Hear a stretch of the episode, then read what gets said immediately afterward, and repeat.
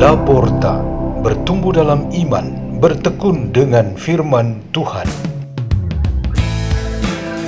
Radio Laporta, pintu terbuka bagimu untuk pertumbuhan pengetahuan dan kebijaksanaan tentang Allah.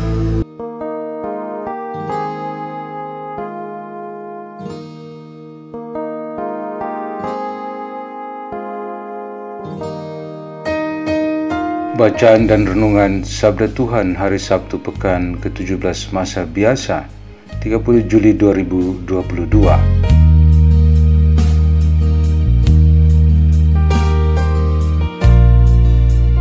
Dibawakan oleh Pastor Peter Tukan SDB dari Komunitas Salesian Don Bosco Labuan Bajo, Keuskupan Ruteng, Indonesia.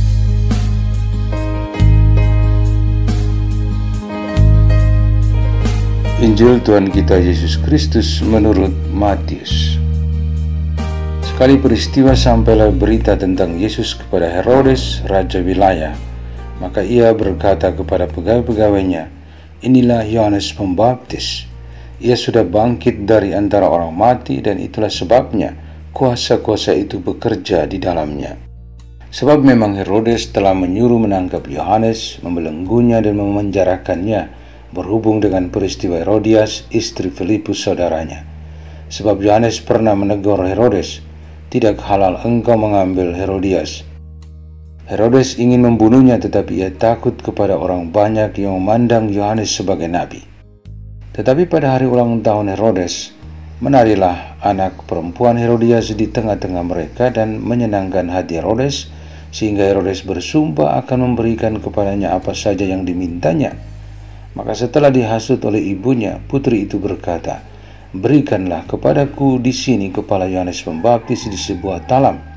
Lalu sedihlah hati raja, tetapi karena sumpahnya dan karena tamu-tamunya, diperintahkannya juga untuk memberikannya.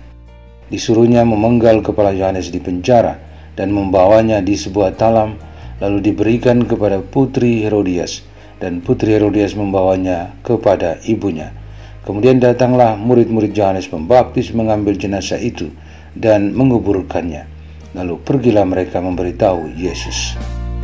Demikianlah sabda Tuhan.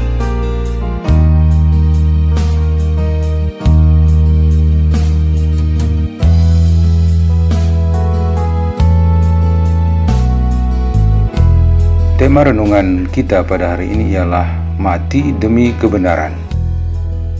Di gerbang sebuah kota, ada patung terkenal yang bernama Anak di Pundak Ibu untuk memberi makna kota tersebut. Pada zaman dahulu kota itu dibela oleh seorang pemuda yang memimpin segenap masyarakat untuk melawan para musuh yang ingin menduduki kota. Meskipun kota ini berhasil dipertahankan, tetapi pemuda ini mati terbunuh dalam perang. Ibunya sendiri yang menaruh putranya di pundak, memikulnya, dan membawa ke tengah kota untuk dihormati oleh semua orang. Bunda Maria melahirkan, membesarkan, sampai menyaksikan sendiri putranya Yesus Kristus dihukum mati, lalu meniduri jenazah Yesus di pangkuannya, La Pietà dari Michelangelo. Maria menyaksikan langsung anak domba Allah yang dikorbankan karena mempertahankan kebenaran dari pihak-pihak yang anti kebenaran. Keponakan Maria, Yohanes Pembaptis, juga lebih dahulu rela untuk dibunuh oleh penguasa jahat demi menegakkan kebenaran. Menyusul Yesus dan Yohanes Pembaptis, ialah banyak pria dan wanita sepanjang zaman telah rela mengorbankan nyawanya karena mempertahankan kebenaran yang berasal dari Tuhan. Para pahlawan adalah orang-orang yang mati demi kebenaran. Lalu pertanyaannya, apakah kebenaran itu harus dibayar dengan kematian? Jawaban paling pertama ialah bahwa pihak yang melawan kebenaran yaitu orang-orang jahat berpotensi sangat kuat di dunia ini yang tujuannya ialah menghilangkan kebenaran dan segala yang baik. Salah satu targetnya yang utama ialah membinasakan orang-orang yang berjuang dalam kebenaran, yang mempertahankan kebenaran, dan yang menghidupi kebenaran. Jawaban lain Jika memang tidak ada penentang berpotensi kuat, bahkan pihak yang melawan kebenaran itu sangat lemah, kebenaran itu masih harus dipertahankan di dunia ini. Ancaman penumpahan darat tidak relevan. Ancamannya lebih rohani. Sebenarnya sebagai tantangan untuk menghidupi kebenaran itu, memberikan kesaksian dan membuat banyak orang lain hidup di dalam kebenaran juga.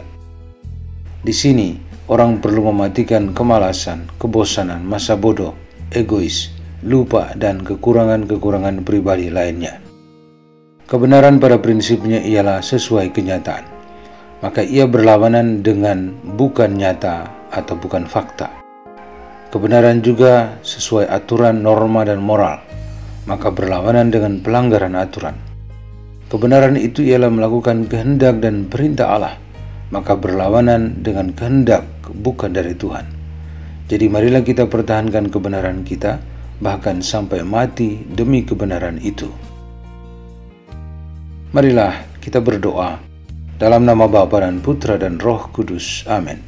Tuhan yang Maha Kuasa, semoga usaha-usaha kami untuk mempertahankan kebenaran dan memberikan kesaksian tentang itu kepada setiap orang di sekitar kami dapat selalu berkenan kepadamu. Salam Maria penuh rahmat Tuhan sertamu. Terpujilah engkau di antara wanita dan terpujilah buah tubuhmu Yesus. Santa Maria Bunda Allah doakanlah kami yang berdosa ini. Sekarang dan waktu kami mati. Amin. Dalam nama Bapa dan Putra dan Roh Kudus. Amin. Radio Laporta Pintu terbuka bagimu